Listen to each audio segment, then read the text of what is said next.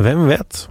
Hvis koronaviruset sprer seg mye mer og mange blir syke, så vil det kanskje etter hvert slå ut store deler av samfunnet vårt.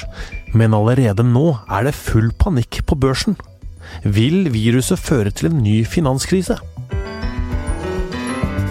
Jeg heter Tor Erling Tømt Ruud, og dette er Verdens gang.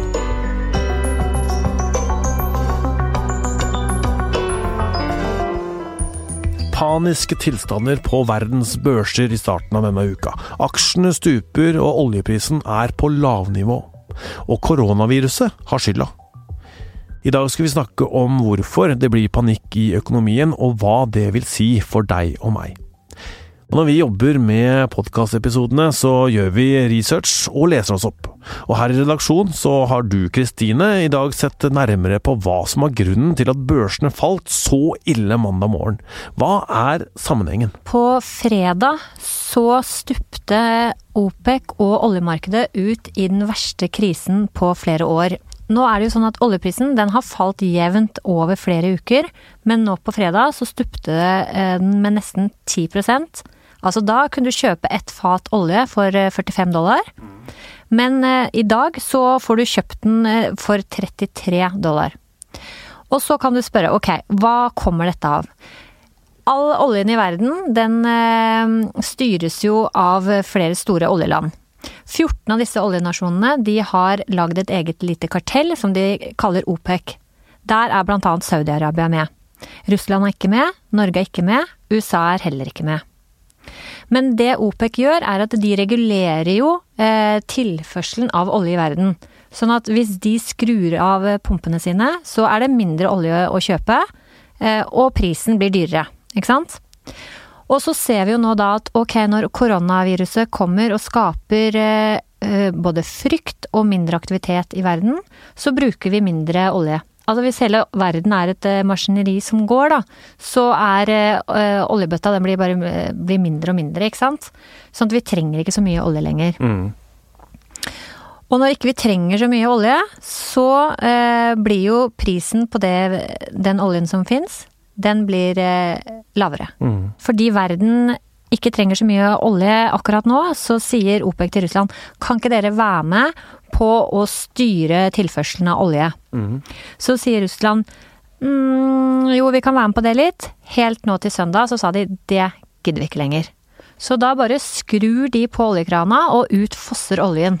Hva skjer? Prisene går rett ned. Så det er den ene siden av det. Så sier Saudi-Arabia ok. Som er et OPEC-land. Saudi-Arabia er i OPEC. Mm. Så sier de ok, Russland, hvis ikke dere er med på dealen, da er ikke vi heller med på dealen. Mm. Så skrur de opp produksjonen sin. Nå starter en priskrig. Da blir det det vi kaller en priskrig. Mm. Og nå flommer det over med olje i verden. Ikke trenger vi den, og prisene detter rett ned. Men oljeprisene alene, eller oljekrisen alene, does not a finanskrise make. Mm -hmm. For at, for at vi skal få en finanskrise, så må også bankene være i trøbbel. Og det er vel kanskje det vi lurer på nå, om er i ferd med å skje. Og Sindre Heierdal, kommentator i E24. Eh, hva skal til for at bankene skal være i trøbbel? Da må bankene komme i en kredittskvis. Altså det må være problem med å låne mellom bankene og sentralbankene. Pengemarkedet må fryse til. Eh, og det så vi jo veldig mye av under finanskrisen, som var utløst av Eh, bobler i økonomien av dårlige betalere, ikke sant, av amerikanske boliglånseiere som ikke klarte å gjøre opp for seg. Det vi har nå, er mye mer at eh, egentlig står det bra til i økonomien, så kommer det et hissig virus og forstyrrer hele verdensøkonomien på den måten. Det kommer inn som at bedriftene plutselig ikke får varer fra Kina de trenger for å produsere. Det kommer inn gjennom at turister uteblir.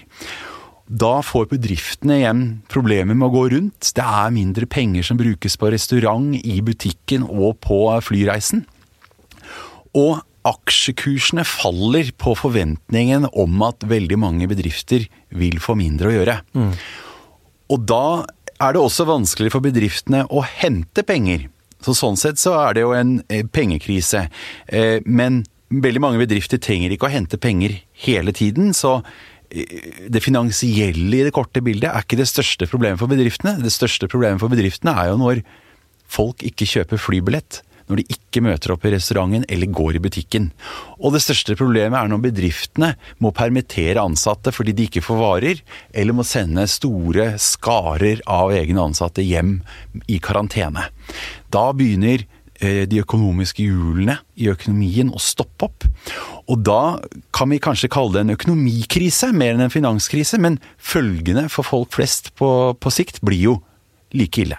Men det fører igjen da til at det blir panikk på børsen, sånn som vi så mandag morgen? Det gjør det, for da fikk vi altså den oljeprisfallet også, som skaper en veldig frykt for at oi, saudierne og russerne klarer ikke engang å ordne opp når vi har fått så store problemer. De klarer ikke å bli enige om noen små kutt engang. Mm. Tvert imot, de begynner å dumpe olje i markedet. Og da er det jo en frykt for at det er ingenting her som stopper det. Og vi har allerede hatt den amerikanske sentralbanken som prøver å sjokkkutte renta for å få fart i økonomien. Billigere lån skal i teorien gi mer hjul i maskineriet. Men selv ikke det hadde noe særlig effekt. Og da øker jo veldig bekymringen for at bedriftene vil tjene mindre penger, folk vil holde seg hjemme, og at dette bare blir en negativ snøball som ruller og ruller. De våkna jo opp i dag med, med push-varsler og så mye greier med fall og panikk og, og, alt mulig sånn. Hvorfor blir det så mye panikk? Det er eh, Koronaviruset i seg selv er jo forferdelig uberegnelig. Mm. Og vi har vel alle blitt overrasket over hvor fort det sprer seg og hvor eh, lite kontroll landene har med dette viruset. Og viruset i seg selv er det jo fremdeles ikke mange som tror vil ta livet av, om du vil, forferdelig mange mennesker, selv om enkeltgrupper er veldig utsatt. Mm. Men det er frykten for at virusets Altså bekjempelsen av viruset vil dempe den økonomiske aktiviteten veldig. Når folk sitter hjemme, når de ikke går på restaurant, når butikkene da tjener mindre penger, og når eh, varer ikke sendes, når disse verdikjedene for å lage en iPhone f.eks. blir helt ødelagt, og du mm. ikke får til den produksjonen du skulle få til. Og det er frykten for hva det vil føre til framover i tid, når viruset bare sprer og sprer seg videre, som har utløst eh, denne veldig angsten som er der. Og så fikk vi jo altså da denne misæren mellom Russland og Saudi-Arabia i fanget i tillegg. Ja, Så det, det, gikk ikke en finanskrise, men en økonomikrise, da, som du kaller det. Men forrige gang så, så blei renta veldig høy i, under eh, finanskrisen. Hvordan vil denne krisen forløpe seg? Ja, eh, under finanskrisen så måtte man også kutte rentene ganske raskt og, og brutalt for å få litt liv i økonomien igjen. Og noe av det samme har vi jo sett begynt å skje nå. Den amerikanske sentralbanken kuttet jo renten ganske kraftig forrige uke. Mm. Den europeiske sentralbanken har rentemøte senere denne uken. Da kan vi antagelig vente oss noe. Problemet der er at renta allerede er nær null. Mm. Men de vil kanskje finne på noen andre måter å sprøyte penger ut i markedet på. Selv den norske sentralbanken, som har lite eh, påvirkning på internasjonale aksjer, vil kanskje kutte renta snart. Fordi de ikke har så mye annet de kan bidra med. Og det er litt sånn lite perfekte våpen her, men det er tross alt noe. Eh, er litt av tanken bak. Og for folk flest så er jo ikke utsiktene nå at de skal få dyrelån, snarere tvert imot. Så det har allerede begynt å komme mange tilbud på fastrente der ute, som er lavere enn til dels noensinne. Og det henger sammen med at rentene, de lange rentene ute i verden, bare faller og faller. Og det gjør de jo fordi at utsiktene er dårlig økonomisk vekst som følge av koronaviruset, og da må rentene være veldig lave for at folk likevel er villige til å investere og bruke penger. Men hvis det ikke har noe med altså hvis da til og med boliglånet faktisk blir billigere av dette, hvordan vil denne krisen påvirke din og min økonomi? Allerede så er det jo en del eh, nordmenn som sitter i karantene. Mm. Og vi ser at eh, enkeltbedrifter har begynt å melde om eh, permitteringsvarsler fordi de får mindre å gjøre. F.eks. ved at kinesiske turister ikke kommer til landet, ved at eh, innsatsvarer, som det heter, varer de selv trenger til produksjonen, ikke kommer fram, sånn som elektronikkprodusenten Hapro har sendt ut permitteringsvarsel på. Mm. Og dette kan vi bare vente mer av, hvis dette viruset er like hissig og sprer seg i den farten det gjør nå. Og da blir det mer permitteringer. Da blir det folk som i verste fall mister jobben sin på lang sikt, hvis viruset biter seg fast og veldig mange bedrifter får mindre å gjøre. En annen ting som er eh, litt forskjellig fra forrige finanskrise da i 2008-2009, er at vi har satt alle sparepengene våre opp eller inn i aksjefond. Fall så blir vi oppmuntra veldig, eh, føler jeg, av banker og sånn om å spare i aksjefond. Men nå går jo disse fondene også ned, da. Mm. Eh, hva skjer der? Ja, der er det jo Hvis noen har behov for de pengene på kort sikt, så får de jo mye mindre ut. Da har de et stort tap. Mm. Men hvis man har økonomien til å sitte stille gjennom stormen, så er jo ikke forventningen at eh, fallet vil vare for all evighet. Så har man en horisont på to år, så kan man sitte helt rolig i båten nå og bør kanskje helst ikke se for mye på det fallet. For det egner jo bare til å føle ubehag, mm. uten at man egentlig får gjort noe med det. Mm. Så ikke selg aksjefondet nå, da? Ikke selg aksjefondet nå med mindre du har et veldig kortsiktig behov for pengene. Da må man jo begynne å tenke litt på hvordan man skal komme seg ut. Ok, det er et, eh, et godt råd for de som sparer litt, i hvert fall. Men eh, det er jo ofte at børsen går eh, og ned. Eh, hva er det som er så spesielt med denne, at dette viruset gjør dette nå? Ja, det er jo veldig mye spesielt her. Eh, vi hadde jo egentlig en god økonomi, og så kommer det et forferdelig uberegnelig og hissig virus som sprer seg raskere enn folk så for seg, i land etter land etter land, og som det synes som ingen har helt oversikt over hvordan vil utvikle seg videre.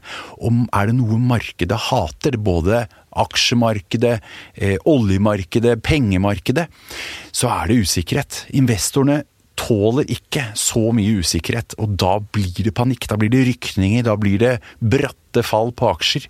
Fordi ingen helt vet hvordan dette ender. Ingen vet om et virus vil spre seg videre, i hvilken fart om det vil mutere, om det vil nå nye land, når en vaksine vil komme. Det er altfor mange spørsmålstegn til at investoren klarer å roe seg ned. Ja, ok, Så da vet vi ikke helt hva som skjer med det viruset. Men olja, da? Eh, kan noe løses der mellom eh, Saudi-Arabia og, OPEC og Russland eh, nå? Det er det jo bare å håpe. Altså, vi i Norge bør vel egentlig sende en stille aftenbønn til både Riyadh og Moskva om at eh, de løser opp i flokene her. Mm. For eh, vi er jo godt prisgitt eh, oljen, det meste som skjer i norsk økonomi. Så er det to hovedteorier, da. Hvis den ene viser seg å stemme, at dette først og fremst er et taktisk spill, spill mellom russerne og saudierne om å komme tilbake til handelsbordet og, og bli enige om noe, og få noen kutt og gi noen innrømmelser til den andre, så kan vi jo håpe at det kan bli enighet om ganske kort tid. Men hvis det mer ligger under at de vil presse ut f.eks. amerikansk skiferoljeproduksjon, som verken saudierne eller russerne er begeistret for, og som har blitt veldig stor, så kan det vare veldig lenge. Da er det litt snakk om hvem har de dypeste lommebøkene, hvem tåler å stå i denne krisa med skikkelig lave oljepriser lengst. Og det vil merkes også her hjemme. Da får vi håpe da at Saudi-Arabia og Russland blir enige om å, å, å skru igjen krana litt, sånn at oljeprisen holder seg litt høyere og at økonomien går bra. Eller så er det altså sånn at de, en av disse landene, eller begge, ser det som en mulighet å presse ut USAs oljeproduksjon. Ja, det, og det har de forsøkt på før også.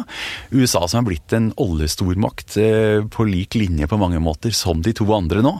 Eh, de håper at for lav oljepris gjør at mange av disse amerikanske skiferoljeprodusentene må bare legge ned sjappa, rett og slett. Men de har prøvd det før. De har ikke lyktes i særlig grad da, og det gjenstår å se om de klarer det denne gang òg. Og imens sprer viruset seg videre og skaper uro og engstelse uansett hva de finner på i Riyadh eller Moskva eller uh, i Washington. Det blir veldig spennende å følge med på. Takk for at du var med, Sindre. Takk. Verdens Gang lages av Kristine Hellesland, Nora Torp Bjørnstad og Emilie Hall Torp.